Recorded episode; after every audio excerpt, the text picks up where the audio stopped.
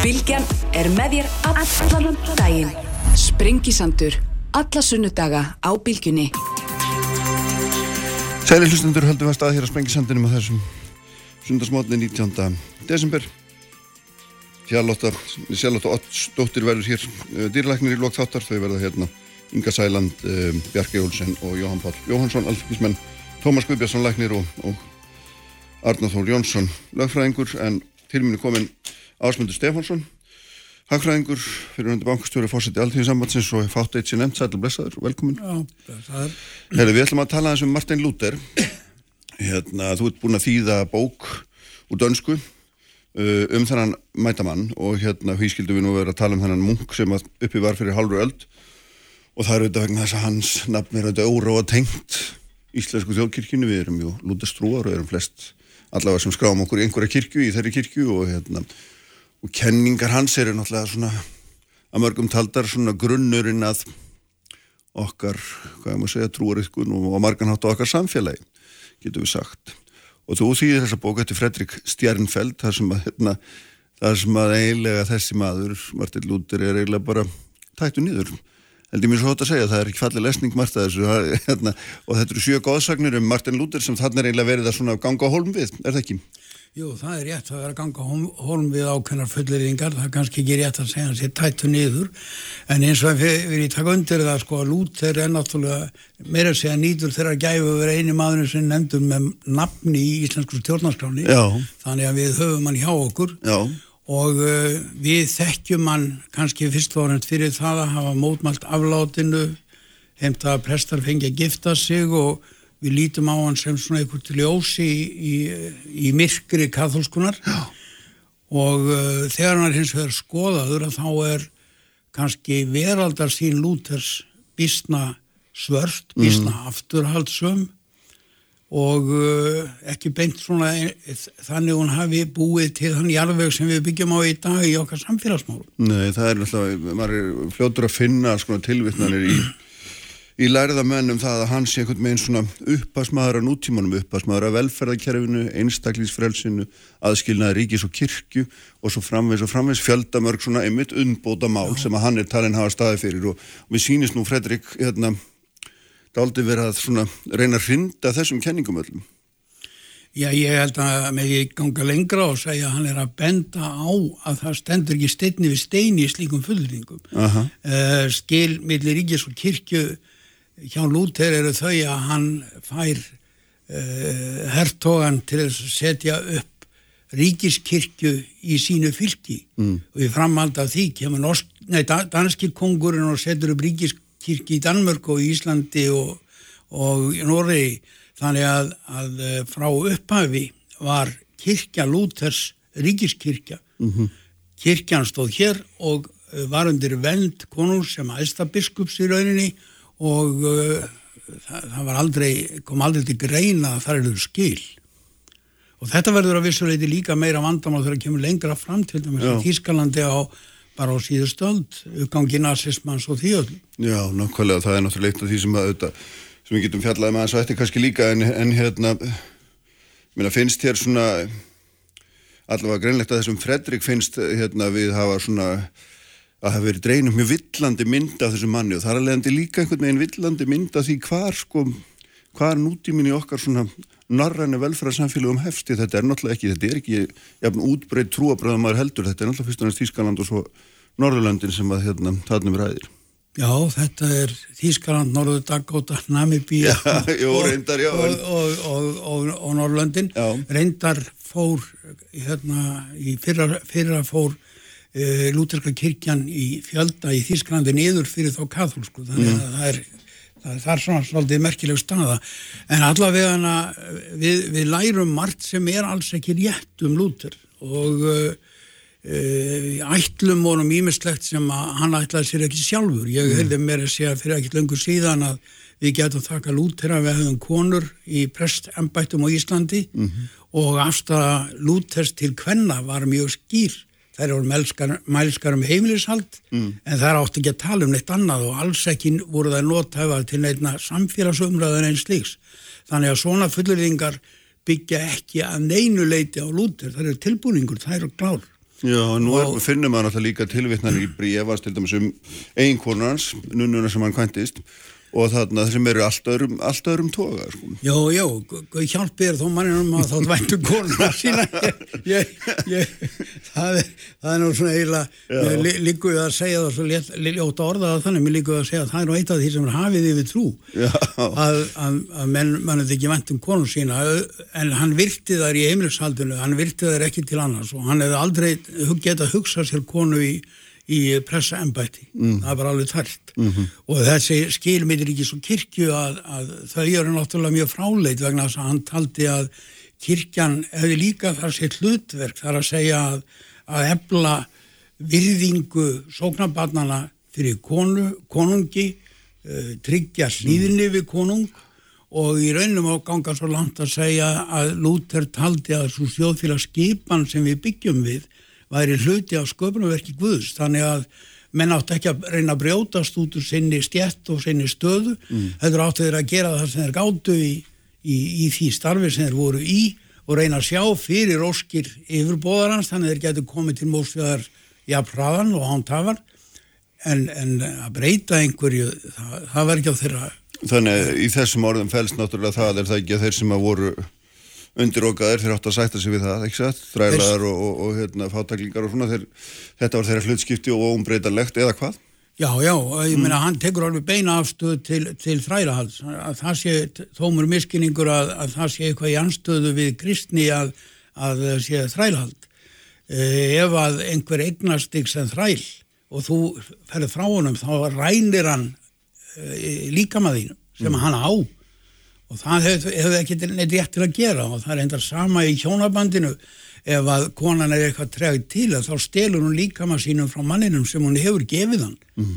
þannig að það verður að refsa henni mm. þannig að svona hjónabands ráðgjöf lútersvendala numri 1 En er ekki sko að því að hérna, það er svolítið merkilegt að þetta segir þetta hann hafi ekki viljaðina breytingar því að hérna, hann náttúrulega er hvata maður að gríðalegri breytingu þegar hann hérna, hengir þessar hengir þessa yflýsingu sínu upp á kirkjuhörðina í, í hérna Vittenberg og, og hérna andmælir alvatsölunni og andmælir raun og veru sko því hvernig kaðalska kirkjan fer með sitt vald. Ég alveg samála því. Það er, er, er einhver mesta breyting í svona sko, samfélagsbreyting sem að, að við höfum eilið sögunni því að uh, fyrir þann tíma var katholskan einn, það er engin mm. ekkert annars sjónum er rétt sko. Mm. Uh, þegar að hann kemur að, að þá rýfur hann þá einókun og hann gerir það með miklum gusti, hann gerir það, uh, þetta á tímanum þar sem hann verður að byrja að prenta bækur og blöð og hann nýtir sér það, hann er með góðan málara í bænum þar sem hann býr og, og hann minnskreitir og flugriðt fljúa frá þeim í allar áttir, þannig að það verður umræða eins og aldrei fyrir í sterkum áróðuri og náttúrulega fyrir katholska kirkjana svara þessu líka með sama hætti þeirra framlýður, þannig að þarna verða mikil átök. En það var ekki þannig að hann telda menn ættu að búa sér til sína einn skoðun. Hann kom með þína réttu skoðun. Og þeir sem að viku frá henni þeir eru það að beigja sig fyrir því að vera brott rækir mm -hmm. þannig að, að það voru þá tvær staðrindir sem tókust á og síðan náttúrulega brotnaði út úr þessu og komi fleiri fleiri uh, hópar upp galvinistar og, og, og, og alls konar hópar. Já, en það sem maður svona sittur eftir í mann um, sem maður svona rifjar upp bara barnaskóla lærdomunum Lúter er náttúrulega einhver svona hugmyndum frelsi um að brjótast undan okki og ánöð um hérna svona aukin réttandi einstaklings líka um, um svona líðræði og þess að þetta er þetta er svona það sem mann er, man er kent og hérna þetta er svona mynd sem að þessi Fredrik Stjernfeld gaggrínir eiginlega mjög harkalega að, að, hérna, og segir, eins og þú segir aðan að standist yngar skoðun. Já, hann terur að það standist yngar skoðun. Að, og heldur það sé rétt hjá honum alveg? Ég held að það sé að horfa rétt hjá honum. Sko. Frelsið sem lúterbóðar eru í, í samskiptum Guðs og manns. Það er að segja að þú mátt byggja til Guðs og ég get þess vegna beðið fyrir því til Guðs en það þarf engan millilið á milli manns og Guðs. Mm. Það er kannski breyting stór frá lúterskunni en þegar að snýra kálskunni yfir í, í lúterskunni minnur er það ekki? Ah, jú, lúter, lúterskan kemur með það, það við þorf og það skiptir máli. Og því fylgir líka að, að hann segir uh, sko það er ekkert allir geta verið síni prestar og, og tala við sín guð. En þegar að kemur að því að fara að bóða til annara þá eru það bara einhverjir sem hafa til þess umbóð sem mm. meiga að gera það. Ef aðrir fara að júka fram og reyna að skýra og svo framvegis að þá verður strax að grýpa inn og stöðva slíkt rögl mm. þannig að það fólst aldrei í því að hver og einn ætti að hafa sínu viðhorf hvað þá sína trú mm -hmm. þannig að hann fer mjög fljótt eftir að hann næri einhverjum tökum að þá fer hann að rekja já til dæmis þá sem höfðu stuttan en af einhverjum ástæðan komust niður á einhverja sér afstöðu til hluta hann er fljótur að grýpa til þannig að þeir veriði rættir burtu mm þannig að hann þóldi bara eina skoðun og það var hans skoðun, hann svo sem ekki einn manna yfir öldunum það. En þetta var trúarlega viðhorfið. Mm. Því að það var villutrú að trú ekki því saman hann. Og reynda það að vera trúlegs var enn verra vegna þess að þá varstu beint að, mm -hmm. að, að ráðast að Guði. En eh, sko, leikum fórhættina að vita, ég meina, af hverju er þetta síðan þessu bókvöngna, hva, hvað er indi áhun við okkur? Að því nú er, nú er svona okkar lúterska evangelíska sjálfsmyndin og þetta heitir nú svo að hérna, hún er alltaf ekkit ofsalega sterk. Hérna á Íslandi myndi ég halda, eða hvað? það voru við sem einhver hátíðarhald hérna verið fjórum álum þegar var 500 afmra afmæli þessara þessara hérna naglfestingar þessara viðhorfa hans á kirkjuhörðina en hérna en ég veit ekki Já, ég, ég get verið sammálan um það að uh, trúabröð eru náttúrulega ekki mikið átakamáli í íslensku samfélagi við erum svona tiltúrlega hóvar gangar hvort öðru í, í trúmólum þar að segja við reyðum ekki að reyna að fá neitt til þess að komast yfir á okkar trúar viðhorf og uh, það ætti þess vegna líka að vera auðveldar að koma einhverju svona fram þannig að mann geti lesið það í, í ró og yfirvegun mm. án þess að verða allt og sálir yfir því mm.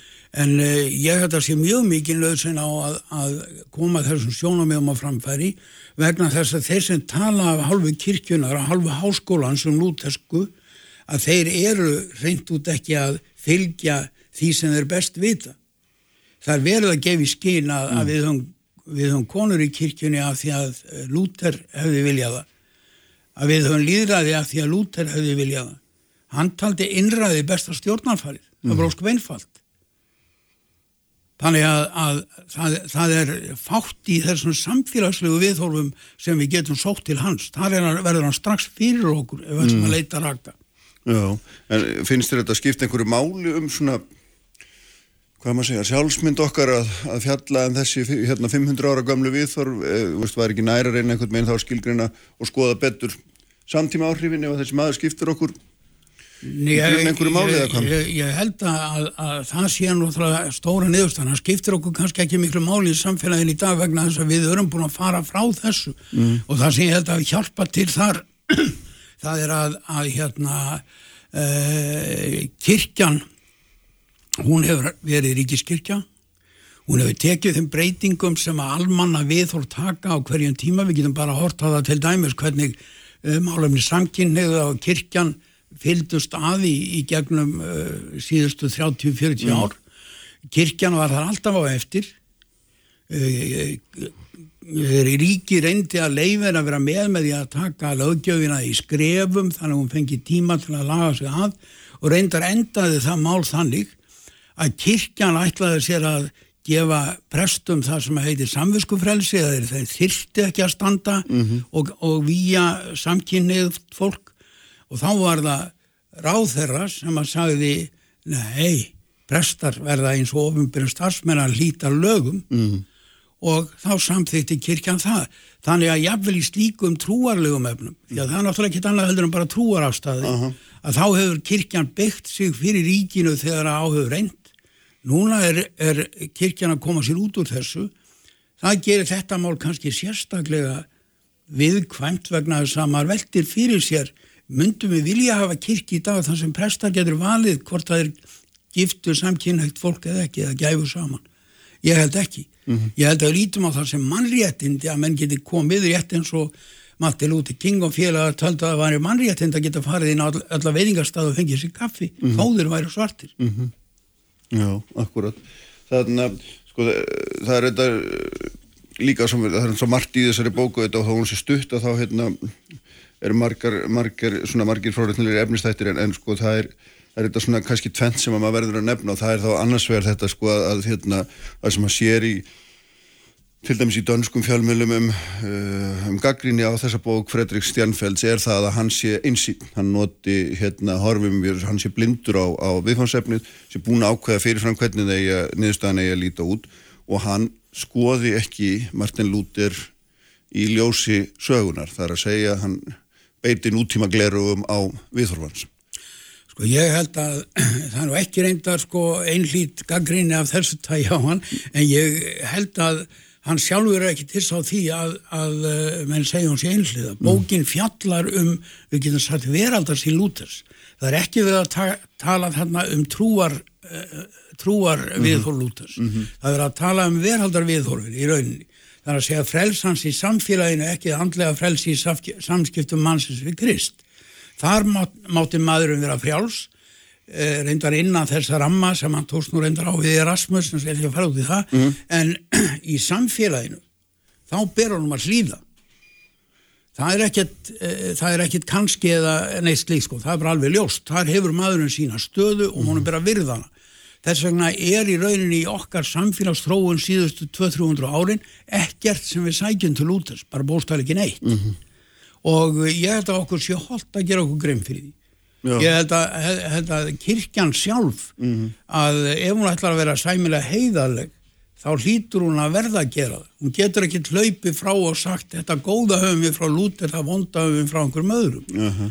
Og Lúter var nú reyndar einn af þeim sem að taldi að allt kemi frá Guði líka það vonda, svo lýsa ég haldi því til að haga. Já, akkurat. Það er eitt alltaf annað sem er hérna líka mjáhugavert í þessari bók sem er auðvitað svona það hvernig hann rekur rekur lúterisman í Þískalandi saman við nazismann Já. það er auðvitað svona eitthvað sem maður hefur alltaf haft á mynd ég myndst að hafa haft hana þannig að, að hérna uh, kathalski hlutin, söður Þískalandi íhaldsami hlutin hafi verið svona frekar hallari undir hallari undir, undir fascismann uh, hérna uh, og, en þegar maður skoðar þessi kort sem mann dregur upp af hérna, úslutum kostninga þá kemur þetta ljós að það er akkurat döfu, það eru lútersku héröðin sem að fyrst og fremst stiðja nazistaflokkin í, í almennum kostningum.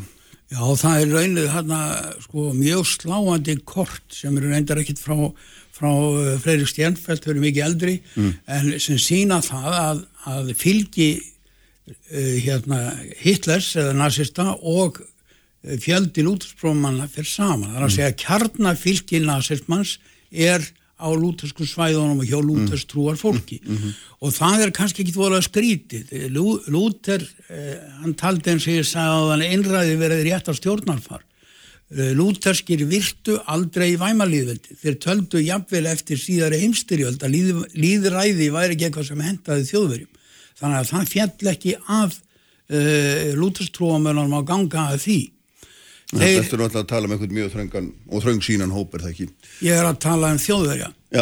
Svo, það það það er, það er alls mikið sagt held ég. Já, já, ég held að eins og það sé nokkuð auðljóst að, að, að þetta var vísna ráðandi. Mm. Lútestrúamenninir hjá þeim eru komin upp samblöndun á trúni og uh, þjóðverðinir. Þessi þísk, lót, hérna, þísk uh, kristna sínum að, að uh, sem vildi raunlega endurskoða biblíuna, henda gamla testamentinu, taka burtu geðinglega hluti úr nýja testamentinu og mm -hmm. helst að gera krist að arja sem hefði reysið upp í musterinu gegn geðingunum þetta er, verður mjög stert í lútustrúarhópunum og þetta er það sem að fyrir utan eh, geðingahatrið sem mm. var mjög rótgróið í þessum hópum og þetta er ekkit afmarkaðir hópur, þetta er almenna línan hjá lútustrúumarum þess að taka er mjög vel á mótónum og það er innan kirkjunar auðvitað deilum það hvort að e, eiga, eiga breyta biblíun eða hvort eiga viðkenna mm. krist sem geðing mm -hmm. en, e, en er þessi geðingand og þú, hún er rakin beint til þarna eitthvað 500 ára aftur í tíman eða 400 ára aftur í tíman bara beint. það er allavega alveg óslitin ferill þann tíma. Ég er ekki alltaf fram að lútir að fundið upp geðingahatur það hafa til á hans tíma en það hefði búið að vera fast í, í, í, í trúni allan tíma síðan og þátt viknan til hans vegna þess að hann var mjög eindregin gegn eh, gýðingum, taldi að þetta rekaða út set, setja þá í vinnubúðir mm, mm. eða væru til þess færir og svo framvegist þannig að eh, Hitler gætt sótt svo sem töluvert af því sem að gerði til hans að hann sér að kenna lúter um, um með helförina. Nei, nei, nákvæmlega, en þetta er svona eitthvað sögulegu þráður Já, það er mjög sterkur sögulegu þráður og hann gerði það verkum að við sjáum þetta bara akkurat eins og varst að nefna að, að fylgi nazista er norðan til en ekki sunnan til í Þísklandi mm. Hvernig, hvernig hérna Hvernig viðbröð far maður við hérna, þýðingu á bókum mann sem var uppi fyrir 500 árum? Já, það er ekki gott að segja, sko. Það er fyrir eftir því hvað mörgum finnst hann koma sér mikið við í dag. Mm. Ég myndi halda að uh, kristnu fólki, trúuðu fólki, kirkjunar fólki, ætti að finnast hann koma sér við. Mm. Ég hef vísa ekki séð mikið um það. Eh, það hafa komið tveir uh, sem hafa skrifað um þetta í mokkan og Eh, báðir nefna þetta með að þetta sé einhliða eh, sem, sem það vissulega er vegna að þetta er hlið sem er ekki mikið til umfjöllunar mm. við getum sagt kannski að sömulegða þetta sé hinn hliðin á lúter mm. en þetta er mikilvæg hlið á lúter og þetta er kannski svo hlið á lúter sem hefur haft mest áhrif á sögun og þróunina og samfélagsviður og það er ekki jákvæð áhrif Nei Þannig að þú hafnar því að, eða, eða já, Fredrik og þá, ég held bara, ég held að þín skoðan greinlega líka er það ekki að þessi svona, þessar hugmyndur um að hans sé eitthvað með einn svona upphastmaður að því velfræðaríki sem við stöndum baðfótum í dag að þessi... Ég, ég held sér ekki að finna neyn rökk fyrir því bara yfir leitt. Nei. Það held ég ekki. Fá, fátækt og eimd voru, voru refsingar vöðs og, og uh, hvað er að segja, eitt af því sem við þurfum að þóla Eh, til þess að þróskast og, og verði eins og við um að vera.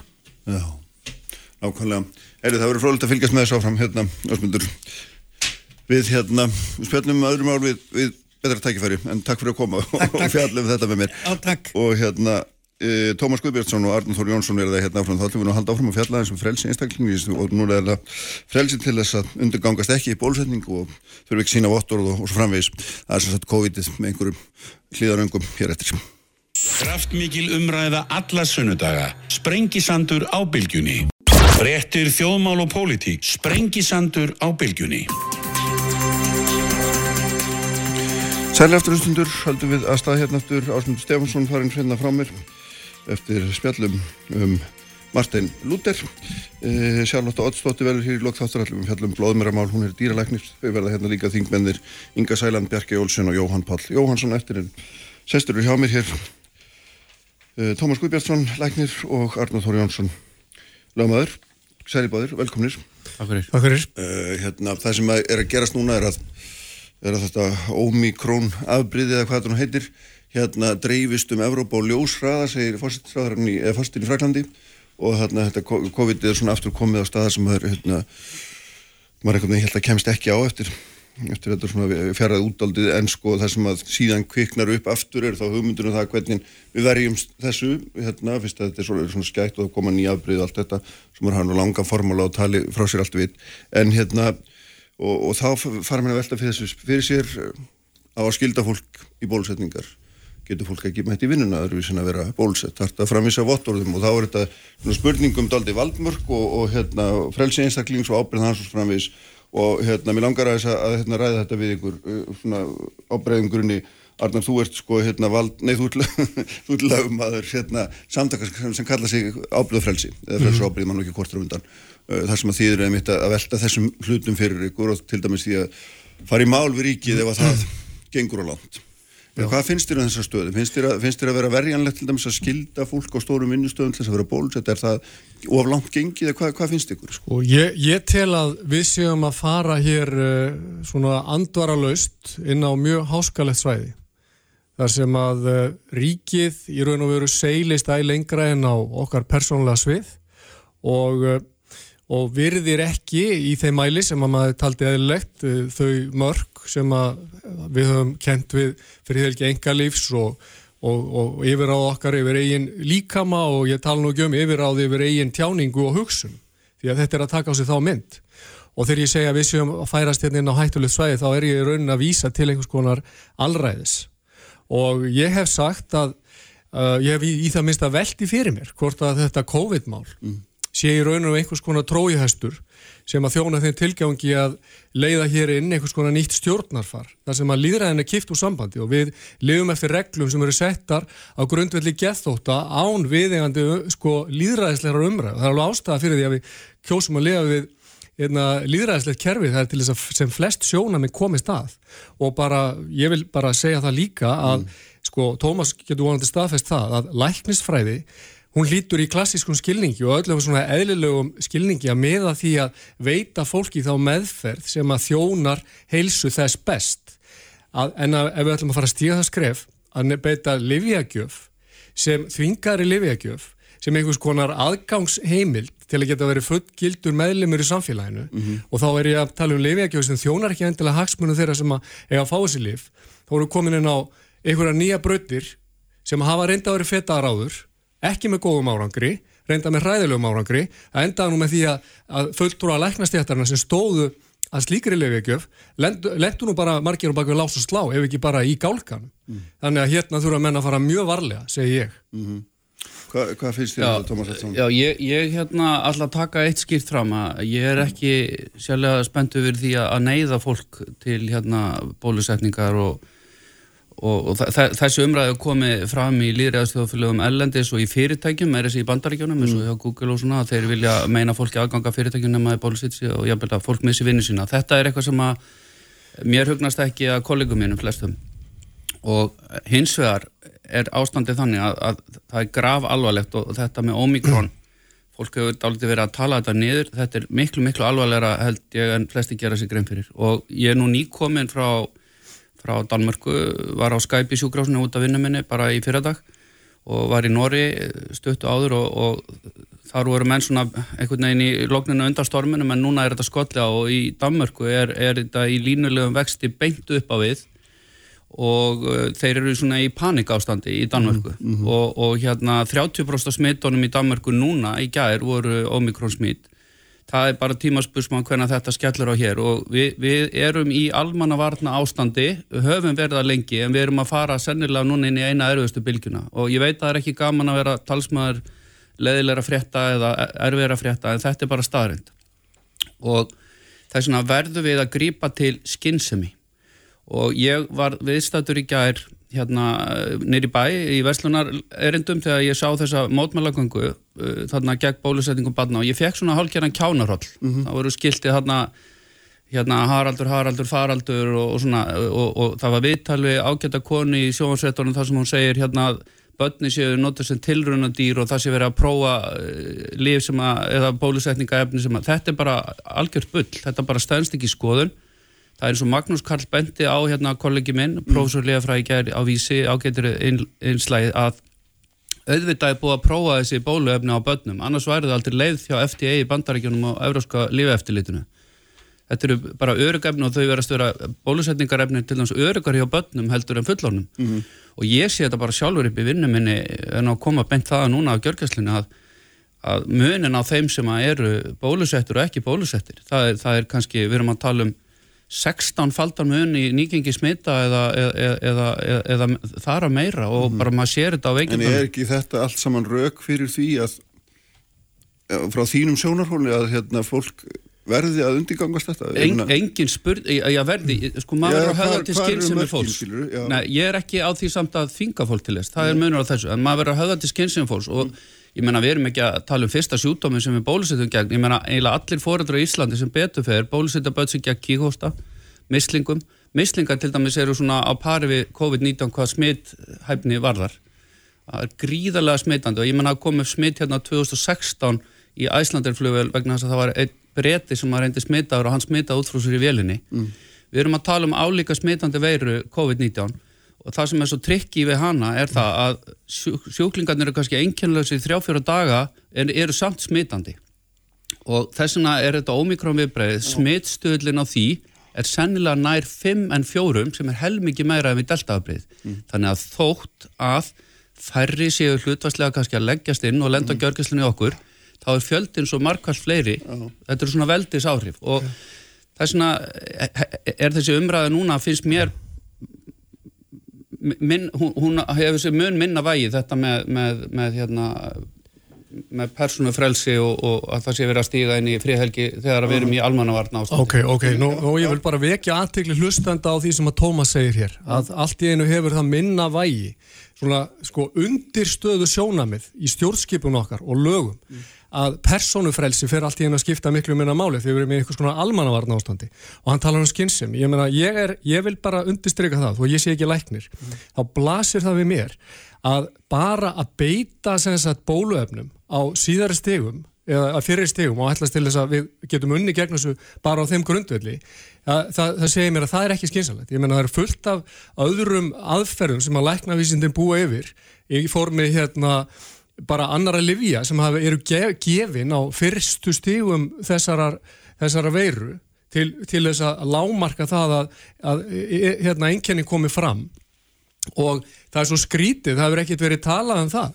Það hefur ekkert verið talað um möguleikan á því að fólk geti hérna, bætt heilsu sína með ímsum öðru móti heldur en að taka móti þessum bólefnum. Og af því að hann talar um að þetta sé ekki tilrauna bólefni þá var hérna bara að sjá það hérna í morgun. Ég veit ekki hvort þú hefur átt að á þessu Tómas, en Pfizer búið, það kemur núna fram hérna á vegum frá Pfizer að sagt, þessi bóluefni sem að ég reyndar ekki alveg sko sannfarður um að það sé rétt að setja þau sama flokk og bóluefgjörn mislingu sem hafa fengið hérna prófun í ára tugi eh, þetta, það, það er nefnilega vegna þess að bóluefni kakvart börnum átt að vera tilröðnaferlin átt að ljúka í 23. júli 2024 og nú er allt í hennu tilkynnt í gær uh, að já, já, það er tilkynnt annan desember núna að tilröðnafasanum ljúki ekki fyrir 5. mæ 2026 þannig að ég bara hver, ég tilkynna þetta, þetta, kemur hérna fram Pfizer er að Sagt, er þetta ofinbær tilkynning? Þetta er bara ofinbær tilkynning sem að ég sé hérna mm -hmm.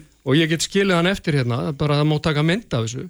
En veist, ég vil bara að því að nú tala læknastjéttin Hérna, í rauninni ein, einu máli. Og það er mjög einkennilegt að það er eins og að skorti alla fræðilega umræðu innan læ, læknastjóðunar, alla gaggríni ég vil nefna eitt hérna, ég las fyrir mörgum ára bók eftir Malcolm Gladwell það sem að hann er að hugsa um svona hættur grúpþing eða svona hjarðhugsunar. Og þá var hann að stúdera hérna það var söðu kóresku flugfélag að lenda í, í flugslísum og miklu oftar en aðrar önnu flugfélag og það var ein, megin orsöngin var rakið til þess að þegar flugstjórnum búin að segja að þetta er stefnan og þetta er hæðin þá þorði enginn í flugstjórnum að andmæla því. Og ég, þetta er farað að, að minna mig á það, þetta er farað að minna mig á bara hérna þegar þú ert í partí og allir farað að dansa konga, það þorri enginn að bara stíu út og bara segja bara, herru, er þið jólið góð? Það er enginn gaggríni og hérna, ég bara lýsi eftir því að, að ég einfaldra spurningar. Tómas, nú erum við upptöku og þessi upptaka verður til á netinu bara um ókvána tíð. Er þú tilbúin að segja, í ljósi þess sem þú sagðir á þann og, og skrif undir það að þessi bólefni sem að nú á að nota á Íslendinga og akkart börnum séu örug og árangursík? Ég að... Það, þú verður að gera það. Þú ert ekki að hvetja til þess að þetta komi fram. Ég er að segja það sem læknir, þá mæl ég með því að, að, að bæði hérna, hérna, fullonur og börn fá þessu bólusetningu út frá þessu gögnu sem ég hef og ég meina Livia eftir liti bandariska er það sennilega það öflugasta í heimi og Evróska Livjastólun er mjög sterk líka. Það væri aldrei farið að mæla með þessu bólusetningu ef hún var í talin alvarlega eh, hérna gagvart heilsu badna það hafa komið upp, ég er ekki búinn. Það er alveg rétt að þetta ferli að þróa þessi bólefni hefur verið hérna hraðara enn í fyrir bólefni en það er búið að nota mRNA bólefni sögumutækni við, við hérna þróum bólefna í yfir tíu ár. Þannig að það er ekki eins og að sé að vera að nota alveg nýjafni. Mm -hmm. Það hafa komið upp ákveðinir fylgjikvillar hugsanleir eins og hérna uh, Godlursúsbolga hjá ungum drengjum með ákveði efni, það hefur verið spurning um blæðingatröflan hjá konum. En þessi, þessar, hérna, þessi fylgjikvillar eru tiltala vægir meðað við þau veikindi sem við erum að sjá upp á spítala og ég menna Arnar þarf ekki annan, við erum að tala um frelsi. Í hvernig þjóðfélagi viljum við lifa? Áhverju eru við að banna óbeina reykingar til dæmis að láta fólk ekki reykja honni í næsta mann? Áhverju eru við með bílbelti, áhverju eru við með hraðatakmarkanir? Mm -hmm. áhverju eru við e, e, það, það er stundum eins og það sé þórálega að kenna að, að það séu settar hérna sótarnatakmarkanir, þetta er þetta veiruna að kenna. Þetta er almannavarn ástand. Málið er bara þetta, við erum algjörlega uppi vegg upp á spítala. Við erum alltaf í 100-110% innlagnar og núna er þessi omikronbílgja sennilega að fara að skella okkur, ég bara byrju guðs hvernig það verður, mm -hmm. þannig að ákverju haldið til þess að hollendingar sé að setja allt í lockdown í gær ákverju er austuríkismenn búin að setja allt í lockdown fyrir nokkur vikum, ákverju er danir að setja allt í svona semi-lockdown í gær Á hverju normenn er, er það vegna þess að þeir hugsa ekki út í frelsið einstaklingsins? Þetta er bara bull. Mm. Þeir eru auðvitað að gera þetta til að venda sín helbriðskerfi og minna það að þjóðverjar eru með fjórusunum fleiri gjörgæsluplásældur en við per capita og, og Danir, til dæmis og Svíjar, eru með miklu fleiri en við. Þannig að það er ennþá brítna á Íslandi að við tökum þetta föstum tökum. Og ég verð að segja það að það sem hefur bjargað okkur hinga til í þessum faraldri er það að við höfum haft hennan frábæra sóttarnalækni Þóról Guðmundsson sem er að fá ómaglega gaggrinni og alls konar skýta á sig. Og nummið tvö, ég hef nú oft gaggrind fyrirvændi helbriðsáðara fyrir málumni landsbytila en hún hefur staðið sér frábælið því að hlusta á ráðlegginga Þóróls. Mm. Ég meina hvaða ráð þeirra voru það ekki hérna fyrir einu, tveim mánuðum sem voru að gala eftir því að við ættum að hafa þetta eins og í Danmörku og það væri svo frábært að horfa leiki í ennsku knaspinunni þar sem allir sætu hlið við hlið án grímu. Hvað er að gerast í, í Breitland í dag? Það er allt, allt í, í ja. Og viljum við hafa þetta svona í Íslandi? Mm. Nei, vegna þess að við viljum ekki keira mm. helbriðskerðu okkar á þann stað sem gerist í New York upp að Madrid, Milano og þessa staði og ég hef sagt okkur það að við erum svo, búin að vera svo nálætti oft mm -hmm. vegna þess að smiðstöðlinn munni er 5 á omikron og sem því það að ein, einstaklingur óbálisettur er að smita 5 aðra og, og þetta verður eins og, eins og, eins og bara eldur á agri. Einn óbálisettur, var, var það setningin?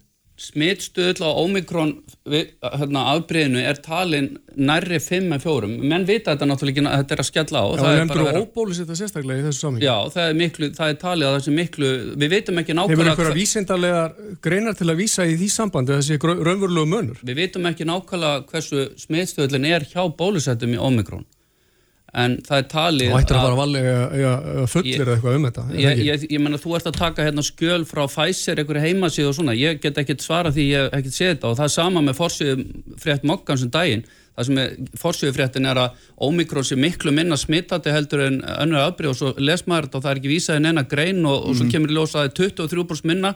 Svo flettum að þremur síðan lengra þá er staksteinar að pöngast á þóróli Hva, hvaða bóðskapur er þetta þegar allt er í að hrinja hérna í kringum okkur. Sko, við erum bara heppin að við höfum þóról og við erum að fara að halda jól já. á tiltölu eðlaðan hátt. Já, byrju hérna, ég vil ekki... Arnar, sko, tölum aðeins um frelsu ábyrði í þessu. Það, þetta er náttúrulega líka þannig, þú verður að horfast auðvið það. Að, ef þú vilt ekki hérna fá bólusetningu, þá ertu líklega til að smita. Það er ekki rétt. Það er, bara, er það, ekki það, nei, það er ekki rétt. Það er uh, vísindarlegar rannsóknir bara stiðja þetta ekki. Þetta er góðsögn. Og, og ég vil bara undistryka það. Það er margt sagt í þessari umræðu sem að stennst ekki og, og ég er alveg búin að kynna með þetta og margir aðrir sko, ég mér sýnist það reyndar umhugsunar verðt að það þurfa fólk sko úr öðrum greinum, eðlisfræðingar og aðrir þurfa að vera að rýna þessa greinu þess að það er engin umræða með að lækna með þetta, þeir bara klappa allir fyrir Þórólu og samt gerist það hérna 13. desember að Þórólu fer með fleipurinn á covid.is sem að fólk þurfti sko utan og bæja leiðrætta mm -hmm. Þú veist, þetta er doldið alvarlegt, en þú vil tala um frelsábyrg. Já, ég vil tala um frelsábyrg, ábyrgina til þess að smita ekki aðra. Já, já, ok, ég skal sko, láta líka með hluta hver er í mestri hættu vekja, en tölum við þess ábyrg sem þú hefur. Algjörlega, sko, ég vil bara undistrykka eitt og við mm. verðum að hafa þetta fyrir augunum allan tíman ef við viljum búi frjálsu samfélagi. Grunn eining frjáls samfélags er einstaklingurinn sem hefur yfiráði við sínum eigin hugsunum og sínum eigin líkama. Mm. Þar fyrir utan, í klassísku skilningi er það þorpið og þar fyrir utan reysa menn síðan búa til ríki sem að þá heldur upp í einhverju menningastarfi og aðri mentun og svo framvegis. Þannig að ríkið á að vera þjóttn okkar en ekki yfirdrótnari. Þetta er grundallaratri. En frelsi einstaklingsins hljóta vera takmörg sett yfir því að það skadi ekki, að, að menn skadi ekki aðra, ekki sett? Þetta er alveg rétt hjá það. Og þá er leiðarstefið og hefur verið í húnu vestrana heimi í mörg þúsund ár almanna heill. Og það á svona tímum, já ok, þetta eru erfiði tímar sem við verum að lifa. En þetta er ekki einu slíku tímanir og við verum að komast í gegnum þetta á þess að vera á taugum.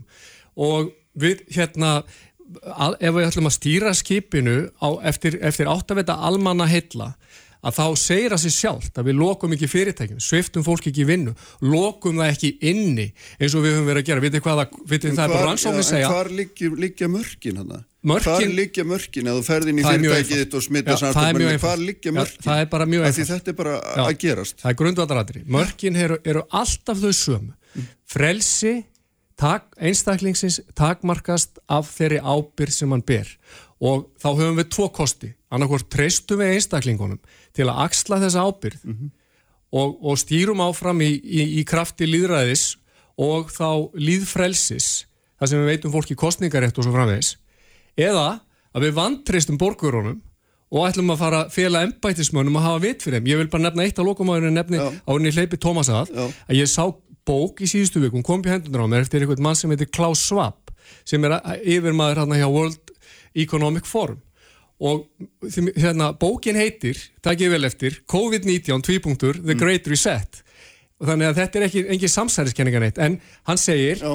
COVID-19 hefur fært okkur, stór, hefur fært okkur hérna, stórkostlega tækifæri til að endurskipilega félagslegan félagslegt Mm. umhverju mannsins, stjórnmálulegt umhverju mannsins og fjármálalegt umhverju mannsins og veistu hvað svarið er? Af því hún nefnir frels og ábyrgð Mm. svar hans er einfalt, það er á ennsku big government, það á að, það á að hérna, veita handhöfum ríkisvalds í sífelt meira mæli vald til að koma hún í hálsmálu á okkur og segja okkur hvert við meðum fara og hvernig við meðum að við. Tómas Ég, ég er bara alls ekki að kaupa þetta uh, svona, uh, þessa pólitísku keilu sem Arnar er að reyna að slá hérna. Þetta bara á ekki við. Við erum í almannavarna ástandi, við erum að tala um það að heilbrískerfi okkar leggjast á hlið. Við sáum það í gær að það eru allir þingmenn viðreysna til þeim síkti núna og hugsaum okkur það til þess að þessi síking hefur komið upp á hjartadeildinu þar sem við erum að taka á móti einu stærsta sjútuma hópi landsins, þú veist sem að þetta er stærsta dánarasöku á Íslandi, hjartasjútumar. Hva, hvað gerum við til dæmis ef að allir læknarnir á þeirri deild veikjast og svo framins? Þetta segir sér bara sjálft.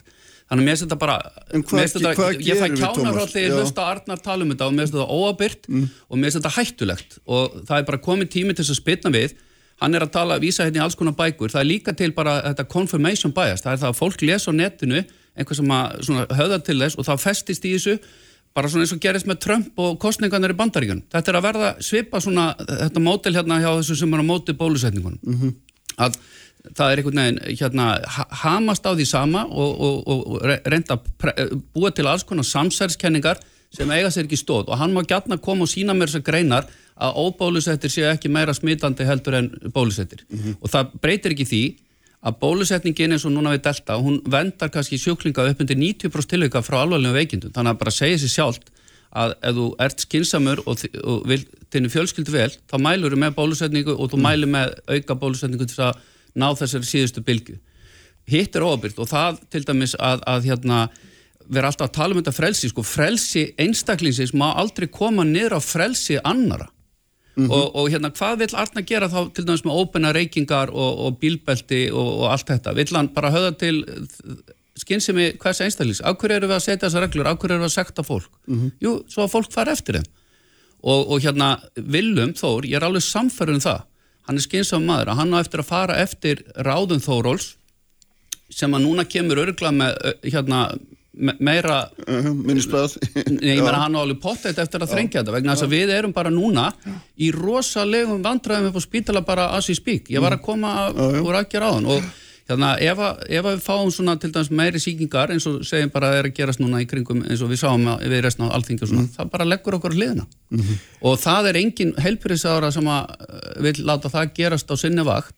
Og, og þannig að við þurfum að, að, að tala varlega og, og hérna ég, ég endur tek þetta að það er ekki verið að gera tilraunir á börnum með þetta bólöfni eða öðrum fullónum. Það er ekkert lifið á bólöfni sem er fullkomið en þessi bólöfni eru nýrri en eldri bólöfni og þau eru að mörguleiti og mjög sennilega betri Ok, við og, skulum, og, og hérna þannig að þetta eru bara samsverkenningar sem að eiga sér ekki stað og þetta, þetta hérna dregum mústin úr því verkefni sem við erum í öll saman sem þjóð að reyna að, að berjast við hennan ömulega faraldur. ég vil beða hlustendur um að bara taka þetta upp og geima þetta. Ég vona að Tómas hafi rétt fyrir sér en ég vil vera rödd bara varúðar og hveti fólk fyrir þetta til að fara varlega.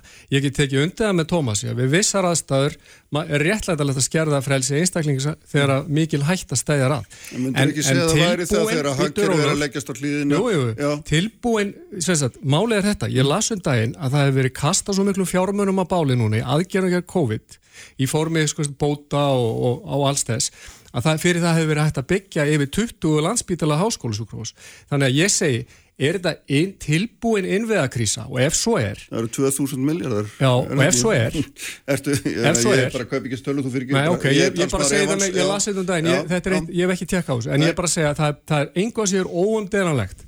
Það er búið að kasta óumræðilega miklum fjármunum á bálið núna í þessu, sem eru ljóst að við getum ekki haldið áfram að hefða okkur þannig með ríkisfjármálin og þess vegna er rosalega alvarlegt að segja síðan að þegar ekki búið að fjölga rúmum á gjörgjæslu eða gera neitt til að bregðast þá við að, að að fara að réttlæta takmarkanir á borgarlegu frelsi mm -hmm. með því sem ég kalla tilbúna innveðakrísu og Vilum hefur stórkonslega tækifæri núna til að bregðast við fjölga hérna rúmum á sjúkarhásinu. Það er ekki besta leiðin til þess að draga úr nýtingu gjörgæslunar væri bara allir færi hérna í höllinu og letu bólusetja sig. Er það ekki bara svo einfaldast leiðin og besta? Hefur, hefur bólusetningin dögað svona vel? Já. Misti ég af einhverju? Ég meina það er búin að bólusetja hérna 90%, 90 þjóðar Já, þú getur ekki sagt þetta þá, við erum búin að bólusetja flesta þrísvar sko. og þú getur, hefur það ekki dögað vel? Þá Já, við erum enn í krísástandi Við erum enn í krísástandi Við erum ekki gert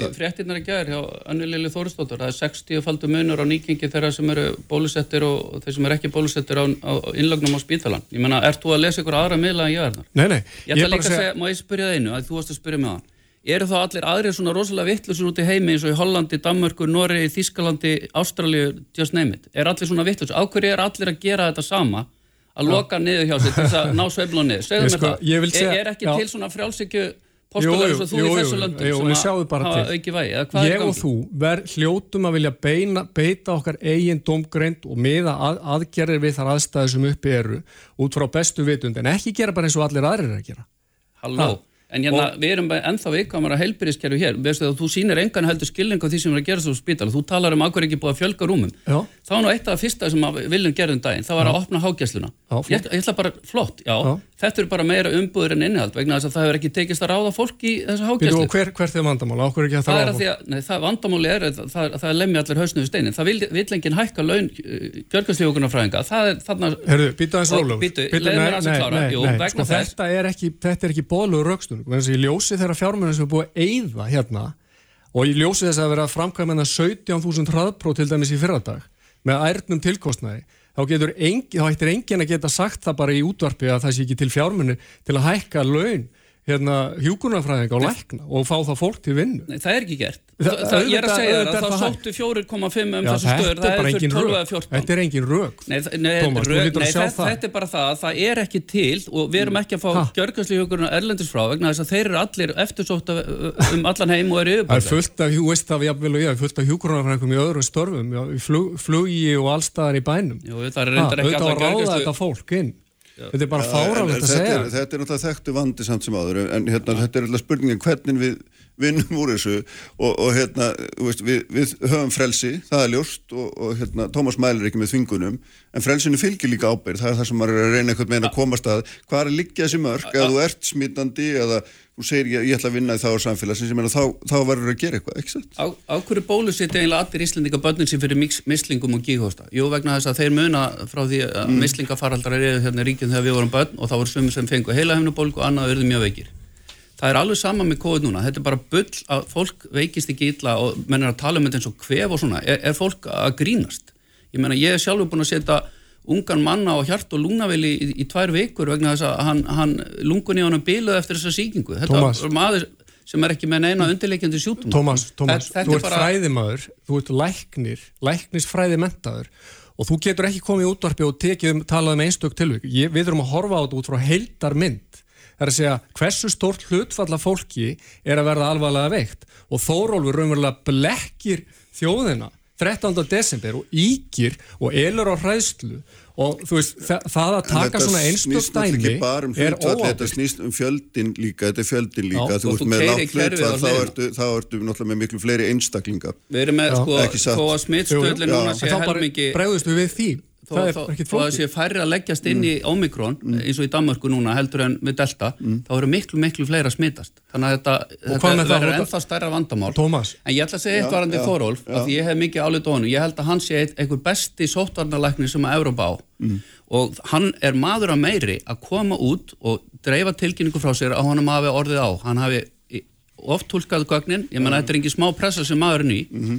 og hann kemur og segir ég hafði ránt fyrir mér, ég talaði ekki bara um þá sem væri síktir mm. eða versus mm. með enginni og þetta mættu í hinnir sem er að gaggrina að taka sér til eh, hérna, fyrirmyndar því að mm. þeir leiðir þetta yfirleitt ekki bullið sem að kemur -hmm. fram -hmm. og, og hérna það, það er engin spurning um það, ég segi við Arnar hva, ef hann var í sóttvarnarlegin, hvernig myndi hann gera þetta? Áhverju er hann svona miklu klárari en allir aðrir í öllum löndunum henni hérna kringum okkur? Áhverju eru allir að gera það sama Nákvæmlega. að loka hjá sér og takmarka frelsi einstaklingsins til þess að ná faraldrinu niður Það er mjög góð spurning. Af hverju er allir að gera það? Já, ég vil bara spurja.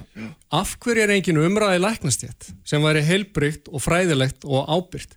Af hverju er ekki fleiri lögfræðingar að koma fram? Ég er engin sérfræðingur í læknasfræði, það leikur fyrir.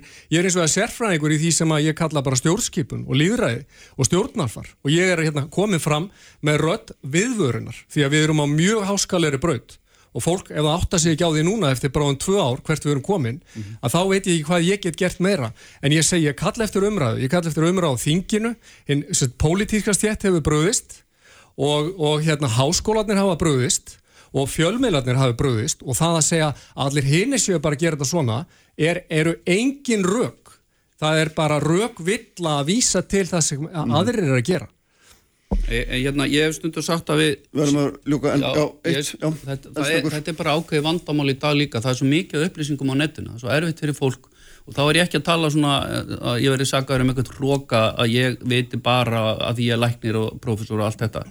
En það er vandamál og þetta er kallað confirmation bias og það er ekki til neitt gott íslenskt orðið. En fólk festist inn á netinu, það hefur ákveðna skoðanir, það hefur efasendur um bólefnið og svo bara dinja á því upplýsingar sem að einhvern veginn íta undir þessa skoðan fólks. Og þetta sáum við í kostningunum í, í hérna varandi Trump, hann var samfærið um það að kost, það hefði verið svindla á sér og það var hellingur af fólki, það var meira svo fólk sem var tilbúið að ráðast inn í þingúsið Já, má ég- og ég þegar að ég að fyrir í bæi í kjærkvöldi, nei í gær og sé þessa mótmæla göngu þá, þá ég endur taka, ég fekk bara kjánarhóll því ég sá þetta. Ég vil bara fá að segja eitt á lókum að, að sko, tíu sko. sekundur Já. að sko vísindaleg, hinn vísindalega aðferð þá verja hana, þá að leifa fólki að koma fram með spurningar Mhm. og það er holdt fyrir allt samfélagið að slíku umræða fá að þrýfast Ljómandi, verðum að hætta. Takk fyrir að koma báðið tveir, Tómas og, og hérna Arnar, þau verða hjá mér þingmennir Inga Sæland, Bjarkei og Jóhann Pall eftir augnablik. Sprengisandur. Alla sunnudaga á bylgjunni. Fréttir, fróðleikur og frábær tónlist. Bylgjan, Sprengisandur, alla sunnudaga á Bylgjunni.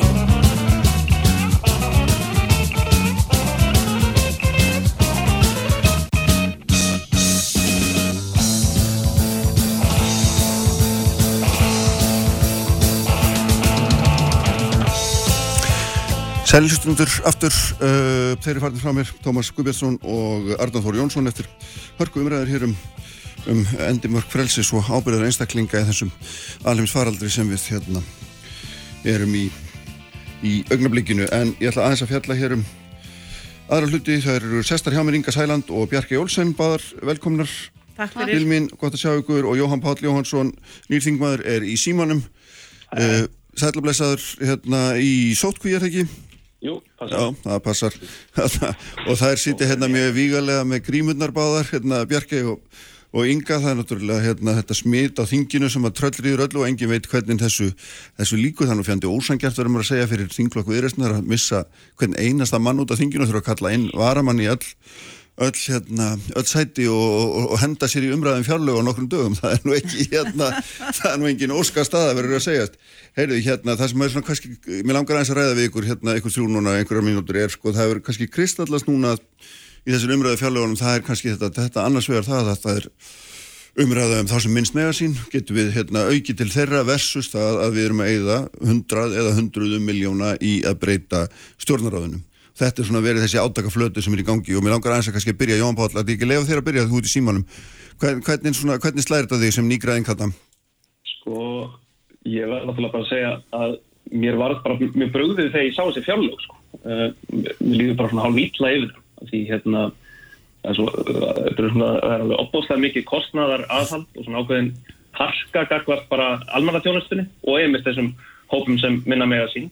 Og það er svolítið eins og fólk sé að loka bara augunum fyrir því að við þurfum á sterkri almannatjónustu og góðu velferðarkerfi að halda bæði til þess að fólk hafa það gott inn á Íslandi og líka bara til þess að hagkerfið fúkir í almennilega og það verði til verðmæti og sko, ég meina á, á síðasta kjörtímabili þá sáum við svona ákveðna kyrstöðu kannski í þessum etnum sko en núna þegar maður horfir á þessi fjárlög og bara þess að svona ramma í fjármála áætlun og svona þess þá einhvern veginn hefur maður á tilfinningunni að þessi bara komið ríkistjórn sem ætla að hegða þessi svolítið eins og einhver fýtt í postulinsbú sko.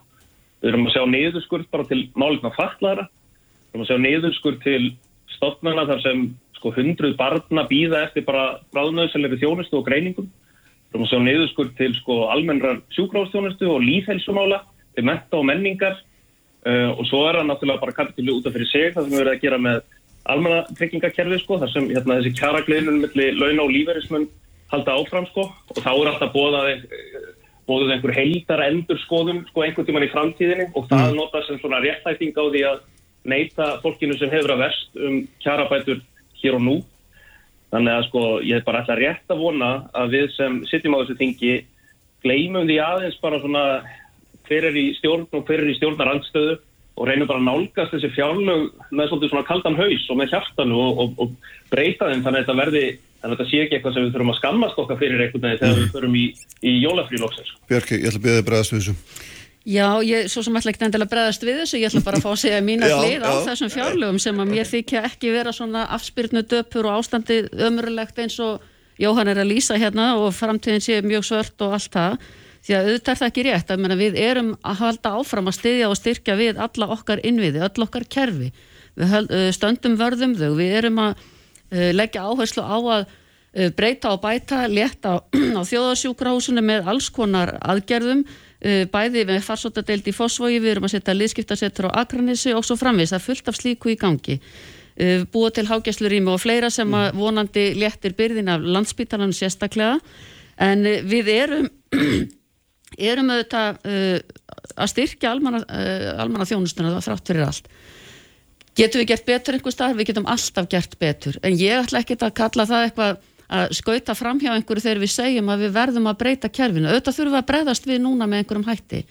Um, og við þurfum að tala um sko eitt í einu, við erum að fjalla núna um fjár aukalög og fjár lög mm -hmm. síðan tekur við uh, upptekt og, og endurskoðun á fjármala áætlun eins og vera ber að gera hjá nýri ríkistjórn, þannig að við skulum bara býða þanga til að hún kemur fram hvernig hún kemur til með að líti út. En það eh, er auðvitað verið að hækka eh, bæði almannakerfin og annað þrátt fyrir allt, þannig að það er ekki rétt að segja að það sé ekkit verið að gera.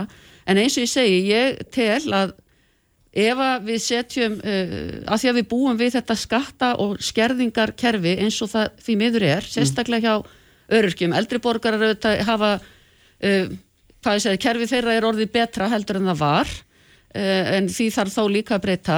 Og ég veit alveg að Inga er með sammálum það að það þarf að breyta kerfin en auðvitað veit ég það líka að hún vil gera hlutina með öðrum hætt og gera það strax. Uh, ég, það, það þarf að hugsa þetta og við hérna, verðum bara endur endur stilla þetta kerfi, við getum mm. ekki bara breytti eins og það er og tekið af allar skatta og skerðingar, það er ekki það sem við viljum gera, við viljum auðvitað Uh, snúa, miklu meiri snúa ofan að því. Við viljum bara búa til nýtt kerfi. Það þarf ekkert að taka eitthvað mörg ár, alls ekki. Mm -hmm. Og það er forgáðsmál míns ráð þegar Guðmundar Inga Guðbrandssonar. Inga, hvernig hérna hvernig líta þessa línur út í sínum hafa? Ég er bara flökurt ég á engin, engin, engin orðið við það vegna þess að eins og ágetur þessi nautu minn hér á vinstru höndu glögglega sínir á spilin að þá náttúrulega er það svona rómur sem að hún er að, að, að tala hér sem er þess valdandi að það eru 2400 fjölskyldu núna fyrir þetta hjálpastofnun nei hérna fjölskyldu hjálp Íslands að byggja mat fyrir jólin.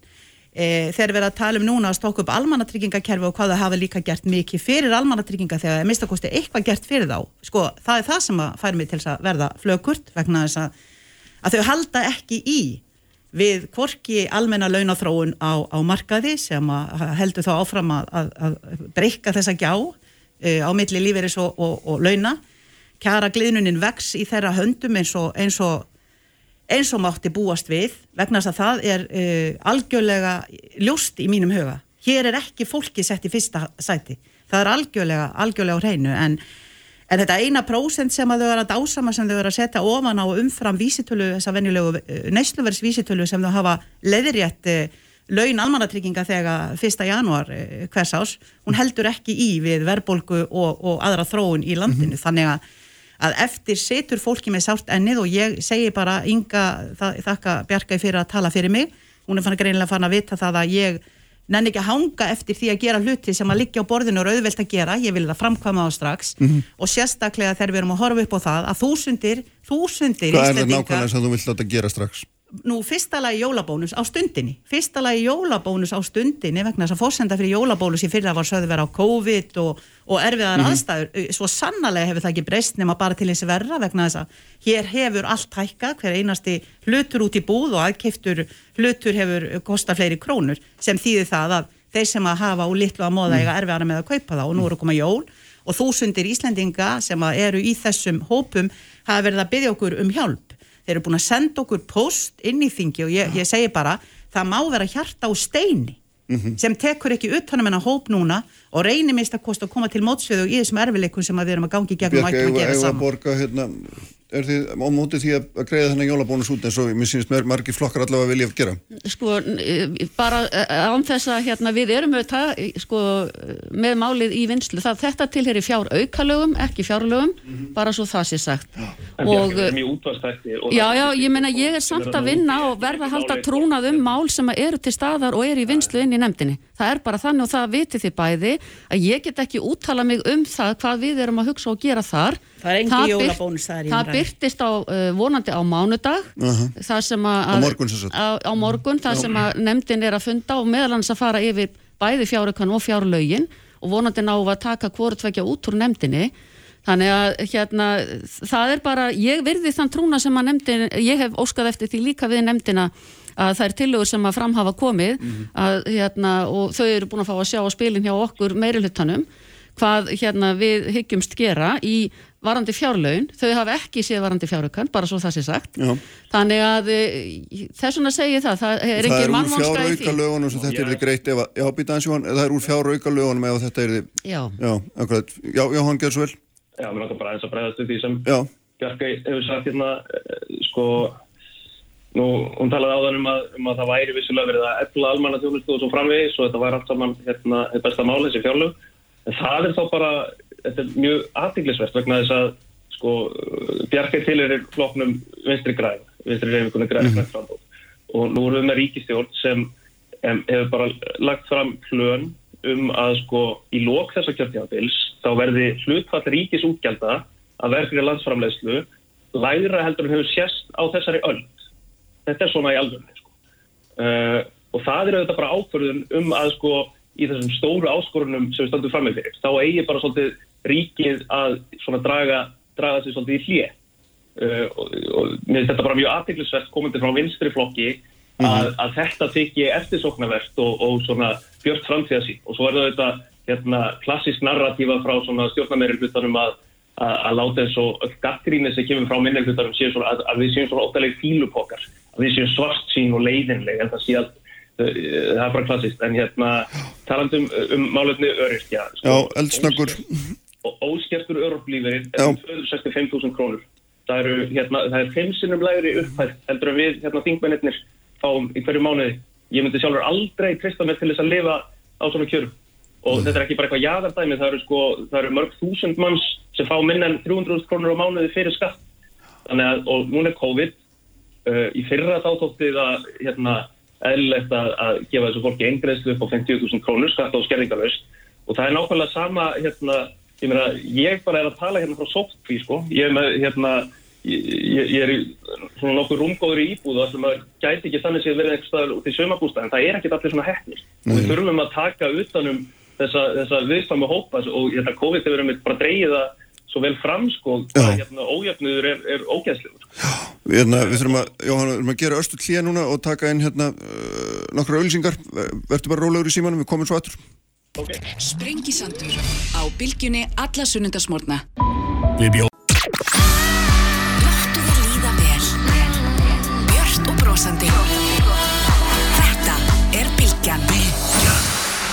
Sprengisandur alla sunnudaga á bylgjunni. Sælir aftur hlustundur, uh, þau eru hérna hjá mér ennþá, eða þær eru hérna hjá mér ennþá, Inga Sæland og Berki Olsen, Jóhann Pál í símanum hérna, aðeins hérna, það eru náttúrulega svo, uh, svo margar ölsingar við þurfum að hérna, styrta mál okkar, uh, resilega hérna, Inga, sko, það er þessar breytingar á stjórnarraðanum, langar rétt að nefna þær við ykkur vegna þess að það eru hérna, vöktu svona aðdegli mín og ég var að reyna að spyrja stjórnarlega hér þegar þær voru fyrst tilkynntar um, um hvort hefði enginn sko rétt um hend og spurt hvað þetta á að kosta og það hefði enginn gert það í neinum þessum flokkum eftir því sem ég skildist en hvernig líst þér á þetta? Finnst þér þetta að vera skynsanlegt? Ég sko, ég er ekki betur ef ég á að segja alveg eins og er, veit ég ekki betur en við séum búin að vera að baða út öllum öngum til að spyrja með um mitt hverju kostnaður mm -hmm. og þetta er bara óutfyllt ávísun, það er ekkit komin eitt verðmiði á þetta og en mér langar að því við erum að tala um fjárlög og, og, og þá langar mér aðeins að setja hérna inn uh, nokkra punta sem ég finna að skipta máli, það verðist verið lægi að taka hérna útfyllt ávísun upp á 100 miljóna til þess að búa til ráþurastól undir einhvern til þess að geta haldið áfram þessu stjórnarsamstarfi. Það er lægi að lækka bankaskatta upp á miljarda og nánast borga ekkert í veiðigjöld og þetta eru fyrirtæki sem hafa verið að greiða sér miljarda og miljarda ofan í arð og eru, eru moldrík og hafa sko gjössalega nóg til nýfs og skeiðar og miklu mér er nóg til að leggja hér inn í okkar sameigilega uh, sjóði sem höfum fært þeim uh, þetta fyrir á silvufatti. Nú við erum að tala um blóðmerahald, það er nú búið að vera eitt af því sem er búið að vera hérna upp á borðum hérna núna eh, lengi lengi, þetta dýraní sem það er, nú við getum til dæmis, ef við vildum sína það í verki þá getum við komið til mótsvið þessa bændur með því að setja inn, inn um 200 miljónir króna og aðstóða og við að fara út í einhvern annan sjálfbæran búskap það er svo margt sem að, að, að, að sko þarf að ræða og til dæmis með S.A.A. þeir byggja um 300 miljónir króna, ég er ekki búin að sjá það gerast, þeir hættu með spilakassana hættu að taka við fyrir þar og þannig að þau eru á vondum stað. Við erum að tala líka og þurfa á þessari hjálpa að halda til að geta hjálpa fólkinu.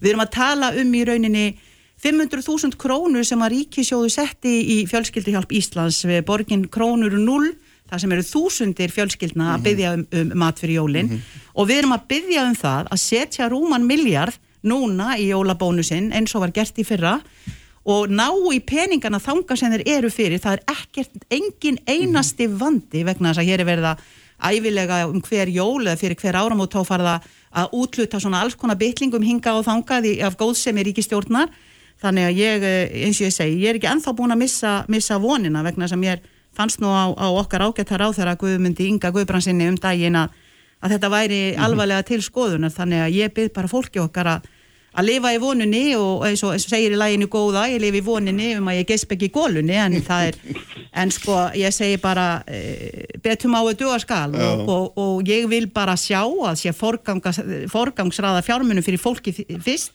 og svo allt hitt og þá held ég að við getum verið sáttari hér í þessari samfélagi saman og, mm. og áttu gleðileg jól og sínt að við séum með samhigga hvert öðru Björki, hva, hvað er þessar breytingar að kosta í hérna ráðuneytun? Já, ég, það, ráðuneytunum, ráðuneytunum já. Já, já, það er nú svo til einhver útregningur yfir það hvað einar á þeirra og, og hérna ráðuneyti kostar og, og það eru settar í þetta uh, einhverja milli, hvað er séð, 5 og 600 miljónir eitthvað slíkt. Um, ég uh, tel að við eigum að, ég, te, já, ég tel að við eigum að spara á móti því. 5-600 miljónir núna í fjárlög fyrir næsta ár Já, já, já Uh, og, og það er ákveðin stoppkostnáður og síðan eru þetta ákveðin við, viðvarandi kostnáður og ég tel að við eigum að, að hérna, reyna að spara fyrir þessu.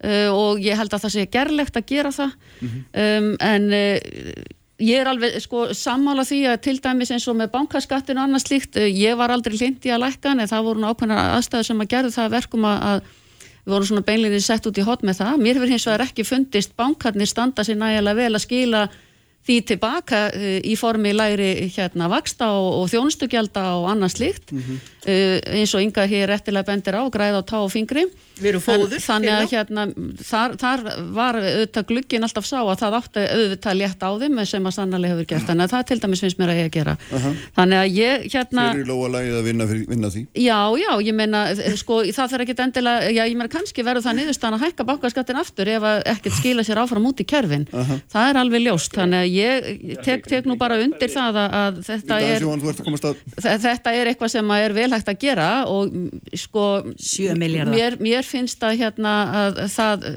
já, eins og ég segi, bara eigi mm. alveg að endur skoða það því að það hefur ekki skilað sem með þeim hætti sem að þeir sögðu að hægt væri með því að gera þetta svona uh -huh. Jóhann Gjörsvöld Nei, ég bara ég, hérna, ég bara hissa, Bjarka, ég veitir ekki aðfæði með lækkun bankaskats Jú, ég vil ekki með þessa, uh, þessi orð sem ég var hér að segja núna þegar að þetta ja. var gert að þá fyndist mér það eðlilegt að uh, við sæjum það í framhaldinu og mér, ég sagði líka þá að ég væri til ég að endur skoða þetta ef að það er ekki raunin.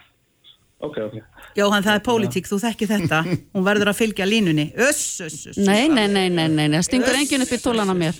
Línunni er fylgt, það er aðeins að heyra til dæmis Bjarkæði frá hérna, uh, vinstriflokki kall eftir sparnaði fyrir hérna ráðunættisbreytingun og bankan Nei, ekki bankan hægt að afla tekna hérna, að það sé kannski að skatleggja aðeins ofur, ofur eignir ofur tekjur í þessu samfélagi. Mm -hmm. Arjón er að borga sér út 88 miljardar jarð núna, 88 miljardar, halló. Já, já, viltu láta hækka skatta? Nei, Arjón bank, já, emitt, ég var þessum hvar ég ætti það og ég hef kannski deltið mút eitthvað. Það er sérstaklega, hérna, það var í þín til að Jóhann, Jóhann Pátti þessu tilvíki að hækka frekka skatta heldur en að hérna horfa til þess að spara í ríkis. Nei, ég meina nú bara almennt, já, almennt það er ekki alltaf að vera með hérna harðar að svona horfa eins í kringum sig, skoða hvar fjármagnir og hérna eignirnar eru sko. Já, ég er alveg sammála því, við höfum að gera það líka, það er, það er mín skoðan sko. En það sjóst engin merki í þessum fyrstu fjárlögum þessar ríkistjóðnar, ég er fjármála áallin. Við býðum með fjármála áallina, við sjáum hvert hún leiður okkur eftir áramóti. Já, já, en við erum hérna bara að ræða ríkistjármál almennt sko, við erum ekki bundin af einhverjum dagskráliðum eins og í þinginu, Bjarki. Hérna, og það er líka bara til að kannski að leiðrætta það ef einhverju haldaða þarna úti að, að stjórnar meiri hlutin eða þingmenn almennt séu hérna bundnir einhverjum trúnaði um það hvort er stiðið til dæmis einhverjum til, til öryrkja. Þetta er bara pólitísk ákvörðum að láta einhvern veginn hérna, þennan viðkoma hóp hanga svona bláþræði einhvern veginn vikum, vikum saman í óvissum þar hvort mm. þessi, hérna, þessi eingreðsla verði, verði greitt út. Uh, við höfum lagt frá breytingatillugu um að það veri gert. Við höfum reynt að krýja fram svör. Þið hver aftur, segiru, Jóhann, þið hver? við í stjórnarlandstöðinni. Akkurat. Þið hafði nú ekki tekið mikil þátt í umræðum á, á þinginu, Bjarki. Þið hafði nú nánast verið ósýnilegi umræðum fjárlög og fjármálastefnu og annað. Ég, það var alltaf sérst til ykkar. Þetta var nú ynga sem var að tala og nú að skamma mig. Nei, ég er að grínast. Uh, en, svo, en ég trú ekki öðru en að við komum núna stjórnarliðar sem svona jólasveinar hérna nokkrum dögum fyrir jól og, hérna, og, og leggja sjálf til svona eingreist og það er þá bara gott og vel og hérna og uh, þá munum við auðvitað bara fagna því og, og ekki vera skeitum það hver á heidurinn af, af, af einhverju.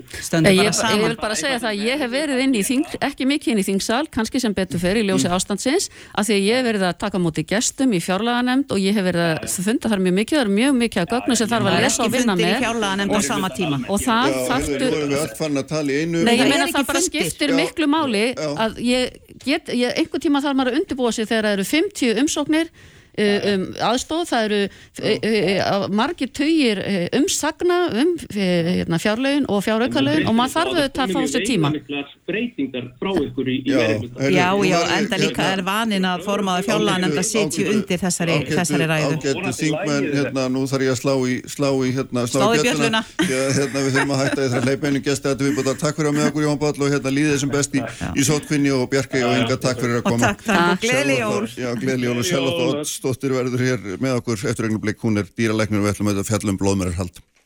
Uppspretta frétta á Sprengisandi á Bilgunni. Með hér alla daga. Bilgja.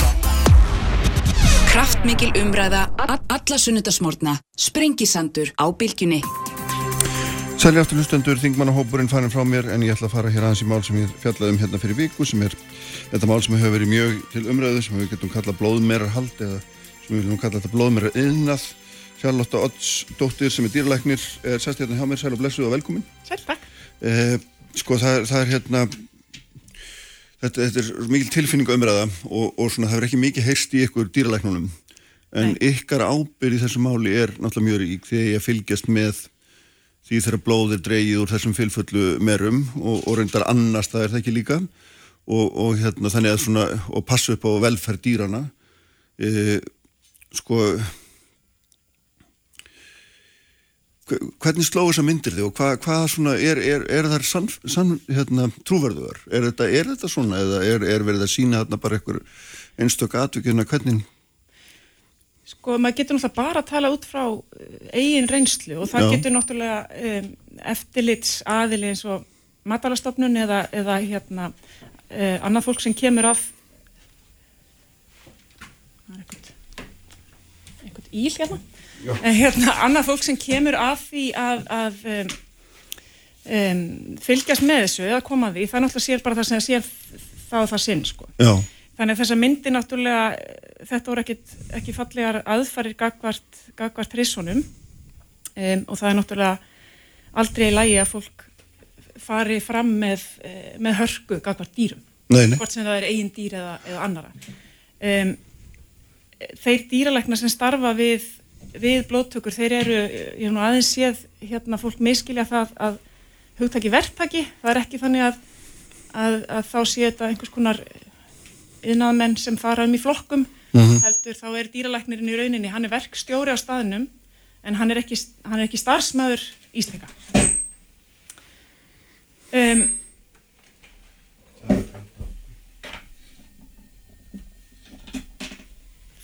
Þannig að, þannig að dýralæknir sem er verkstjóra á staðnum Já. ákveður uh, hvaða hrissur er örugt að, að hérna, taka inn í básin og taka úr uh, út frá uh, atferðlið sem hún sýnir eða hvernig holdafarið er eða hvað, hvað annað mm -hmm. hérna, er lagt mat á og það er gert hver einustu hrissu maður metur og sér hvað, uh, hvernig, hvernig hrissan hefur, hefur það þannig að, jú En svo hins vegar þegar maður sé svona myndbrot sem eru klift saman og til og frá, uh, til dæmis er ekki hægt að sjá og ég held að það sé þess vegna sem að matvælastofnun hefur óskað eftir ókliftu myndbansuptökunum. Það er til að sjá, býtu hvað gerist svo eftir þetta aðkvít, að kemur dýralæknir og grýpur inn. Þa, það er ekki Nei. nógu skýrt sín. Um, og ég held við verðum bara að gefa, gefa matvælastofnun tækifæri og, og, og tíma til þess að vinna mm. almennilega úr þessum, þessum upplýsingum. En eru þið dýralæknandi svona í ykkar hópi svona nokkuð samfærðum að þetta sé í lægi eða, eða er umræða með eða líkar um Já, að... Já, það er umræða og það, það er náttúrulega alltaf holdt að hafa, hafa góð skoðanaskipti mm -hmm. um, og það er alveg fólk sem, að, sem að er, er á móti þessu, þessari starfsemi það er fólk sem er mjög með henni og það er allur allt fara á milli um, sjálf er ég þannig að, að, að ég,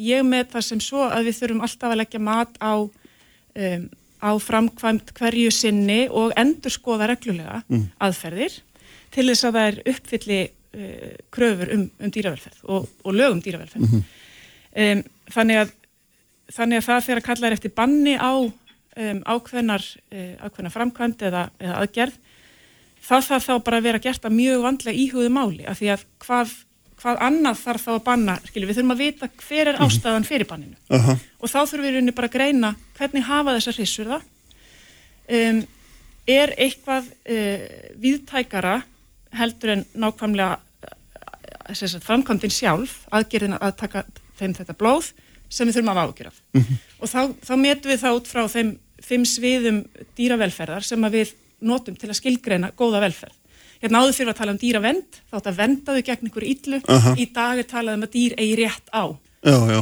góðu lífi já. og að njóta ímis að kosta sem mhm. -huh. það getur bóðið. Uh -huh. Þannig að þau þurfa að hafa tryggt góða réttanæringu, ekki bara nóg heldur, ekki á mikið heldur um, og, og vatn og þau þurfa þá að, að hafa gott heilbreyði. Þau þurfa að hafa rétt umhverfi Mhm. fyrir sig um, og fjóriði punkturinn sem er mjög mikilvægur er að þau þurfa að geta sínt sitt rétta atverðli. Um, og fymti punkturinn tekur í rauninni til þessara fjögura sem ég hef nefnt og það er sálrænt ástand og ég sé að við getum kannski aðtuga punktin heilbriði, þar að Mhm. segja hefur þessi blóttaka þannig áhrif á heilbriði hrossana Mhm. að við teljum það ekki samræmast dýravelferð og hinn punkturinn sálrænt ástand er, erum við að valda þeim slæmu sálrænt ástandi ef svo er, Mhm. er það mjög varanlegt En er, er, er hérna, hvað myndur að halda um þetta tvent? Sérstaklega þess- bara að því að svona bara sem algjör leikmað það spyr maður sig, er þetta, bara í lægi að taka þetta blóður sem skiptir þetta engu máli? Sko það hafa, núna alltaf verið að vitna í rannsóknir sem að, sem að hérna, ísteka fyrirtæki sem safnar þessu blóði um, hefur, hefur gert. Og það hefur verið gert þannig að það hafa verið tekin blóðsýni reglulega úr hrissunum yfir, yfir tí, uh, tímabilið uh, eftir þar það er valdar úr hrissunum hafa gefið bara einu sinni, hrissunum hafa gefið oftar og til þess að meta hvað áhrif þetta Mhm. hefur. En það er með þetta eins og í öllum vísindum, ef að það er ekki byrt þá hefur það ekki verið gert. Þannig að þetta, þetta, þetta er eitthvað sem verður að að fá fram. Já. Við verðum að sjá hvernig, hvernig þessu er varið. Af því það hafa verið gerðar rannsóknir á uh, hrossum sem er að gefa blóð í ýmsum tilgangi. Uh, það er bæði áströðsk rannsók sem var gerða á, á hrossum sem, a, sem að gefa blóð um, við rannsóknarstofnun. Um, það er annur skosk rannsókn, þær eru báða 2000, gefnur úr 2000 og 2001. Já. Ekkert brjálæðislega gamlar, en samt. En samt, svona, já. Já, en, en þar er sko verið að meta, það er verið að taka blóð úr fullvöxnum hrossum um, í sagt, með þryggja vikna tímabili, endur tekið og svo er fylst með hvað gerist. Mhm.